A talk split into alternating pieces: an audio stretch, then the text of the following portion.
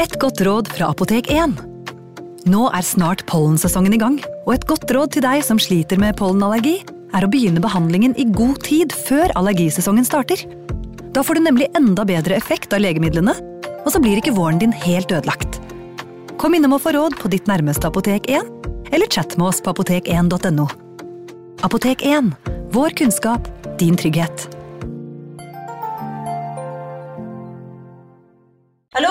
Jeg kommer fra Oslo politikammer. Ine Jansen er purk. Er du purk? The motherfucking bitch. Alt jeg vil, er å finne ut hva som skjedde med mannen min. Jon Carew. Er jeg sikta for noe? Iben Akeli. Det er du. Ole So, Lars Berrum og Big Daddy Karsten. Hvem sin side er du på, egentlig? Anette Hoff, Tone Danielsen, Kommer du fra Afrika? Jørnis Josef, Nesten kløfta. Trond Espen Seim, Det er synd å si det, men det var feil mann som døde. Purk. Premiere tirsdag på TV2 Play. Ungsamtalen fra DNB er økonomisk veiledning tilpasset deg som er ung. Bokk en ungsamtale på dnb.no. slash ung. Det er kjempebra hvis du skal inn på boligmarkedet, hvis det er drømmen din, liksom. Det er det du skulle sagt. Og så kunne du ropt litt mer, da, sånn som jeg gjorde. Bam! Advarsel. Historiene vi forteller i denne podkasten, kan være fiktive og avvike fra den opprinnelige historien av dramaturgiske årsaker. Meninger og påstander i historiene reflekterer nødvendigvis ikke programledernes meninger eller virkeligheten.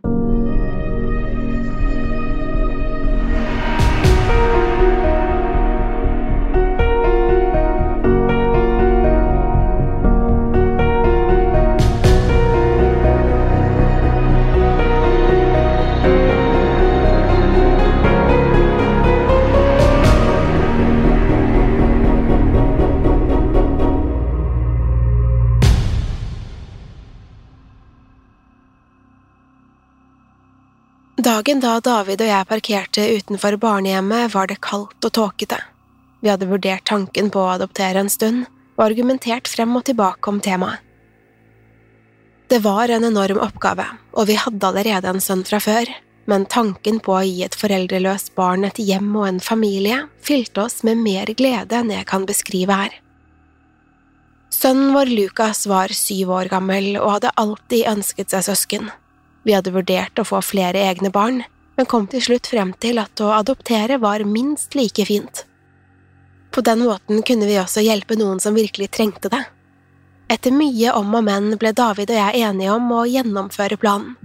Nå var vi endelig her for å møte et barn som kunne bli en del av familien vår.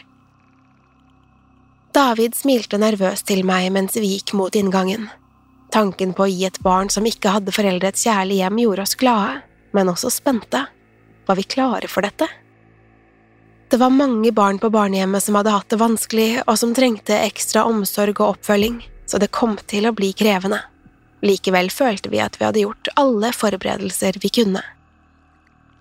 Inne på barnehjemmet møtte vi bestyrerinnen, en vennlig eldre dame med grått hår og smale briller. Hun tok oss med gjennom gangene hvor barna lekte og lo. Bestyrerinnen presenterte oss for flere barn, hver med sin egen historie, og vi lyttet til hver av dem med de kjærligste smilene vi kunne oppdrive. Etter hvert kom vi til en smal korridor med dører langs veggene. Hver dør hadde et lite vindu, slik at vi kunne se inn i de ulike rommene. Det var undervisningsrom, hvilerom og små stuer, samt et lite skolekjøkken. De fleste av rommene var tomme, da barna først og fremst var ute og lekte på denne tiden, men midt i gangen, i et slags klasserom, fikk jeg øye på en jente. Hun satt med ryggen til døren, så jeg kunne ikke se henne skikkelig. Likevel så jeg det lange, rødbrune håret som var knytt i stramme fletter. Hun satt ved en pult og så ut til å være fordypet i noe foran seg. David og bestyrerinnen hadde ikke engang lagt merke til jenta, og var allerede på vei videre, men jeg ble stående. Da de innså at jeg ikke var med dem videre, kom de bort til meg. Jeg tok hånden til David og pekte inn gjennom vinduet. Bestyrerinnen smilte til oss og nikket før hun åpnet døren til klasserommet forsiktig.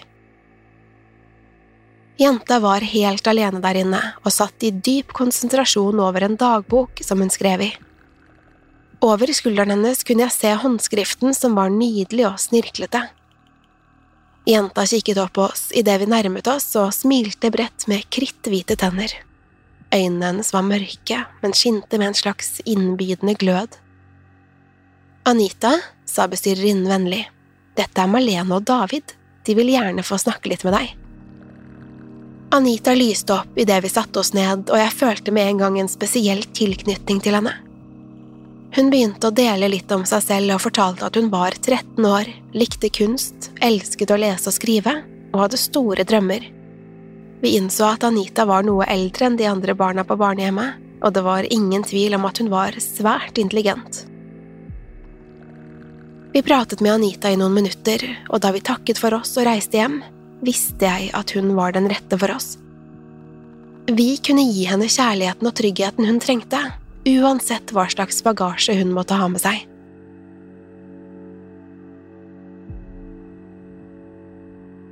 De neste dagene snakket David og jeg mye om Anita. Likevel var vi klar over at det ikke var så mye å diskutere. Anita var den vi ønsket å adoptere. Men det gjensto fremdeles en del papirarbeid og også en bakgrunnssjekk før Anita offisielt ville bli en del av familien. Prosessen tok noen uker, men løste seg til slutt. Og endelig kom dagen da vi kunne ønske Anita velkommen til familien. Denne dagen dro vi innom barnehjemmet for å møte Anita. Vi reiste hjem sammen og gledet oss veldig til å vise Anita rommet som vi hadde satt i stand til henne, med nymalte vegger og nyinnkjøpte møbler. Lukas var hjemme og ventet spent på oss. For endelig var dagen kommet hvor Lukas skulle få en storesøster. Vi la merke til at både Lukas og Anita var nervøse da de møtte hverandre, men de hilste høflig og så ut til å komme overens. Anita virket svært begeistret idet Lukas viste henne huset. David og jeg kikket på dem stolt der de gikk og pratet sammen. Nå hadde vi endelig fått familien vi ønsket oss. Vi samlet oss etter hvert rundt middagsbordet, og vi kunne merke at Anita ikke delte spesielt mye om seg selv. Likevel følte vi at hun var åpen når vi stilte henne spørsmål. Vi ønsket å gi Anita all den tiden hun trengte for å bli komfortabel.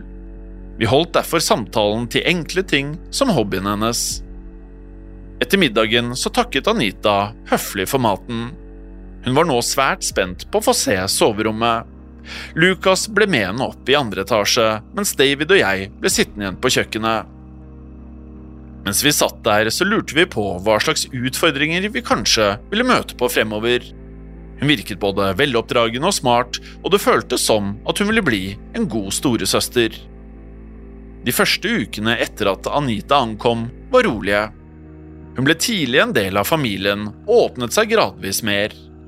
Hun var også flink til å bidra til husarbeidet, og hun viste seg å ha mange interesser, bl.a. kunst og litteratur. Det var også tydelig at hun var både kreativ og svært intelligent. Men det var også noe trist og mørkt over Anita. For selv om hun var både snill og høflig, la vi også merke til noe helt annet. Hun var nemlig svært opptatt av å få oppmerksomhet. Og hun var også i økende grad opptatt av å få vår bekreftelse. Til tider kunne det virke som at Lucas følte seg oversett. Det var som om Lucas følte at Anita presset han til side, det virket ikke som at det var noe ondsinnet ved måten Anita gjorde dette på. Vi prøvde å forstå henne. Anita hadde tross alt kommet fra et barnehjem der hun hadde delt oppmerksomheten med andre barn. Derfor var det ikke rart om hun ønsket å være litt i sentrum.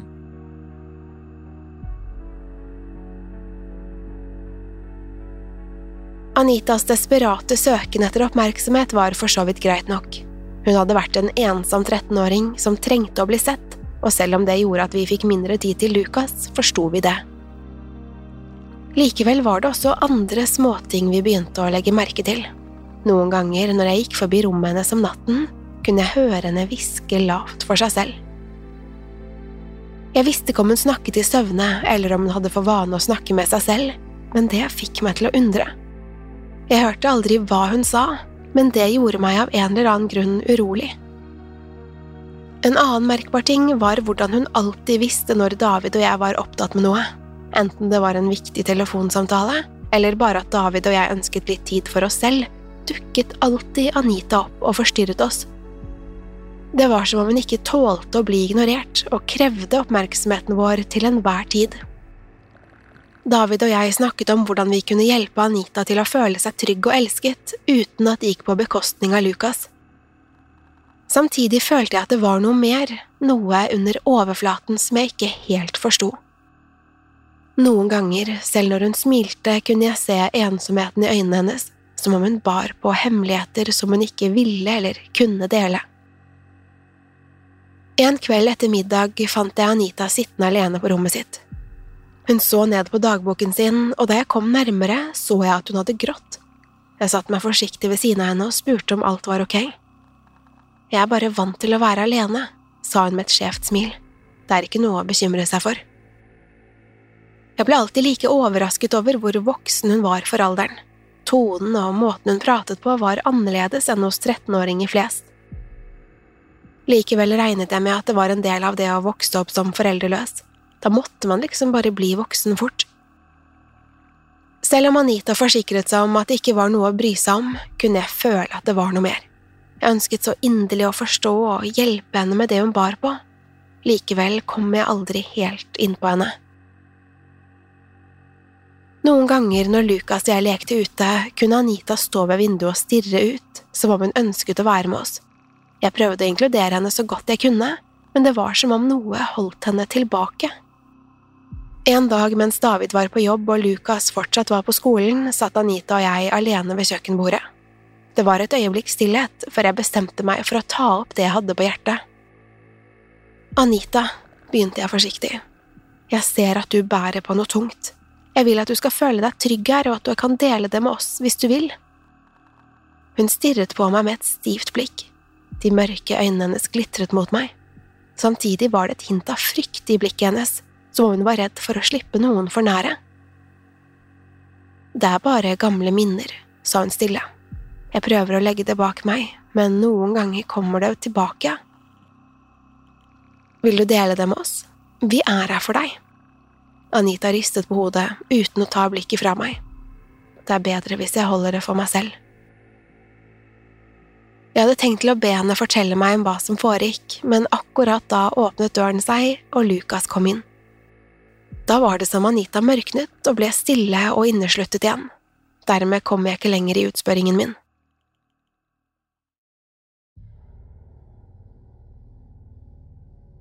Med tiden skulle Anita sin trang etter oppmerksomhet vokse. Det virket også som at hun ønsket stadig mer av vår tid. Det var vondt å innrømme det, men det begynte å bli litt irriterende. Likevel fortalte jeg meg selv at Anita var datteren min, og at dette var mitt ansvar.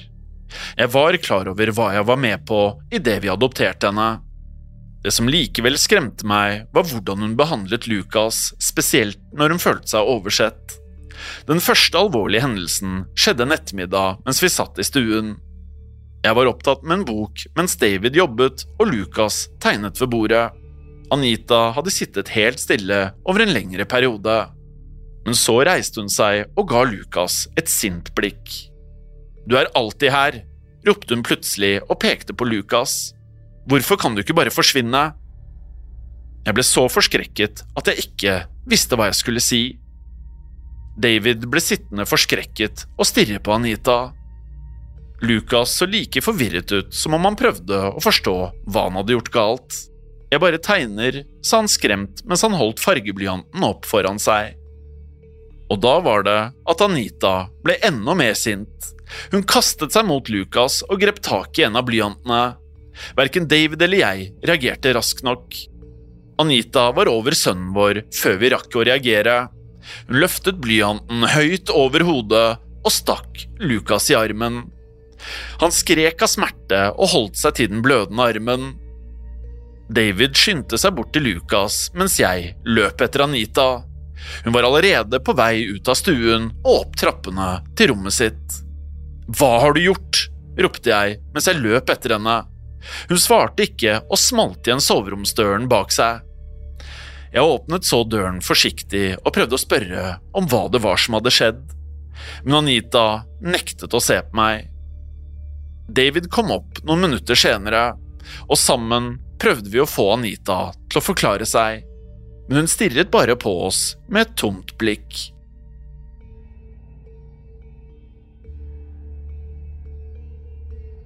Etter den hendelsen var det som alt endret seg. Anita var fremdeles like oppmerksomhetssyk, men nå var det på vei til å bli en slags besettelse. Lucas fikk aldri være alene med David eller meg, for Anita skulle alltid være der. Det var som om hun prøvde å forsikre seg om at Lucas ikke fikk mer kjærlighet enn henne. Kun noen dager senere skulle Anita få et nytt utbrudd, og akkurat som sist så det ut til å komme helt ut av det blå. Vi hadde invitert noen venner for å feire bursdagen til Lucas. Anita virket til å være i godt humør, men jeg la merke til hvordan hun stirret på Lucas gjennom hele selskapet. Det var som om hun var besatt av tanken på å være midtpunktet.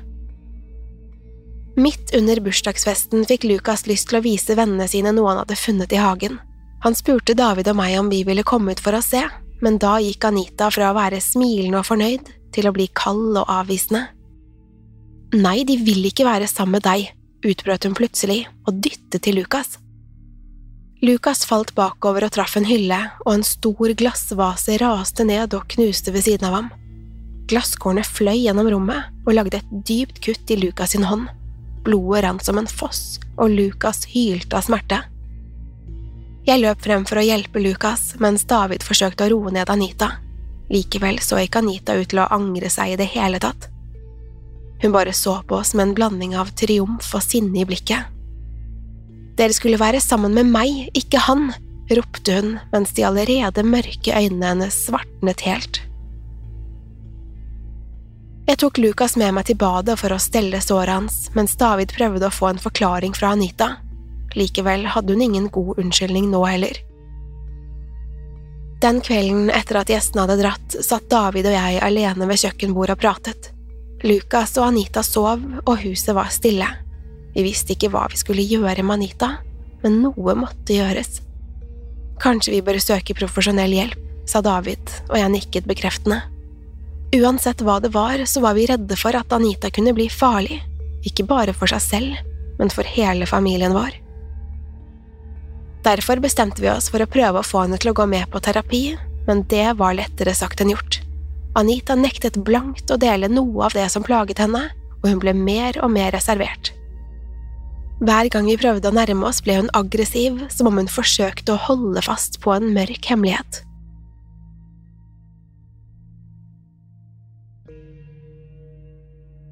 Så kom dagen da vi skulle se Anita for siste gang. Etter at hun hadde angrepet Lucas, hadde jeg ikke latt henne være alene med han. Men akkurat den søndagen var jeg opptatt med husarbeid, og David spilte tennis med noen venner. Jeg lot derfor Lucas og Anita leke sammen i hagen. Idet jeg forberedte middagen, hørte jeg plutselig et fryktelig skrik utenifra. Det var Lucas som skrek, og jeg visste at noe måtte ha skjedd. Jeg fortet meg derfor ut for å se hva som foregikk. Da jeg kom ut i oppkjørselen, var det som om blodet mitt frøs til is. Ute i veien sto David sin bil, og bak bilen var det tydelige bremsespor i asfalten. David sto lent over det venstre fordekket, og under det lå Lucas.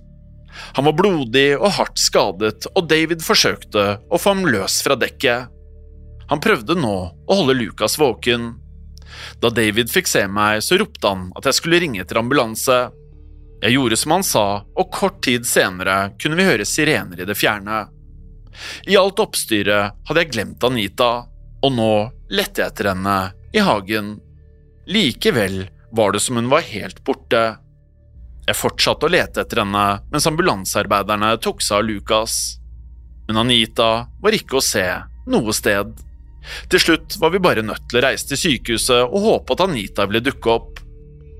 På sykehuset ble Lucas sendt til hasteoperasjon.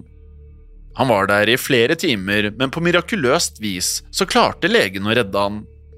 Da han våknet fra narkosen, så var han både forvirret og redd. Likevel var vi ikke i tvil om hva det var som hadde skjedd. Ifølge Lucas hadde Anita dyttet han ut i veien foran bilen til David. Jeg kunne ikke tro det jeg hørte. Anita var en spesiell jente og kunne bli aggressiv, men dette var noe helt annet. Om det Lucas sa stemte, så hadde Anita forsøkt å drepe han. Etter at Lucas hadde våknet, reiste David hjem for å se etter Anita.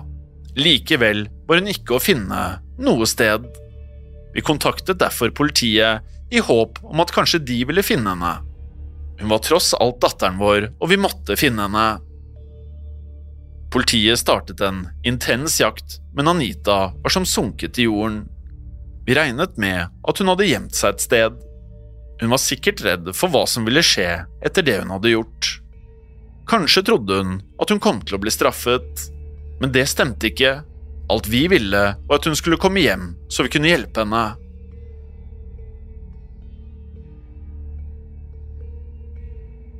Dagene ble til uker og ukene til måneder, men politiet kom ingen vei i etterforskningen, og vi var grusomt bekymret for Anita. Lucas kom seg etter hvert, men var fremdeles skjelven. I et forsøk på å finne tilbake til datteren vår startet David og jeg våre egne undersøkelser. Vi gikk gjennom alt vi visste om Anita, i håp om å finne ut hvor hun var blitt av. Det var da vi begynte å oppdage at det var noen merkelige hull i Anitas historie.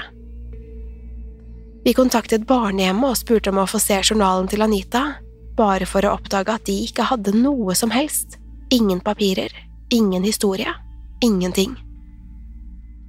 Vi snakket med bestyrerinnen, som var like forbauset som oss. Hun mente at Anita var blitt sendt til dem som 13-åring, men det var alt hun visste. En dag mens jeg gikk gjennom papirene mine, fikk jeg en urovekkende telefon fra politiet. De hadde funnet ut at Anita ikke var den hun utga seg for å være. Fingeravtrykk og ansiktsgjenkjenning hadde avslørt at hun ikke var en 13 år gammel foreldreløs jente, men at hun måtte være en voksen kvinne. Jeg kunne ikke tro det.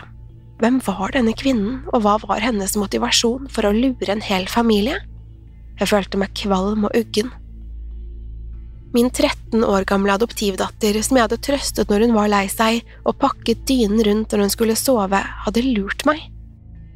Anita, hvis det i det hele tatt var hennes virkelige navn, var voksen, og det fikk innvollene mine til å velte seg. Politiet fortsatte å grave, men jo mer de undersøkte, desto mer mystisk ble hele situasjonen. Ingen visste hvordan Anita hadde havnet på barnehjemmet, eller hvordan hun hadde klart å lure hele systemet. Jo mer vi tenkte over det, desto mindre sannsynlig virket det at hun kunne ha gjennomført alt dette alene. Noen andre måtte ha hjulpet henne, men hvem og hvorfor? Til slutt ga politiet opp søket etter Anita. Hun var sporløst forsvunnet, som om hun aldri hadde eksistert. Vi forsøkte å gå tilbake til en slags normalitet, men det var lettere sagt enn gjort. Spesielt skulle Lucas slite voldsomt i ettertid. Han fikk profesjonell hjelp til å takle traumene, men han ble aldri den samme glade gutten han hadde vært. Saken om Anita ble aldri oppklart. Ingen visste hvorfor hun hadde gjort det hun gjorde, eller hva som skjedde med henne etterpå. Livet må gå videre, men spørsmålene forblir de samme. Hvor er Anita nå, og hva var det hun ville med oss?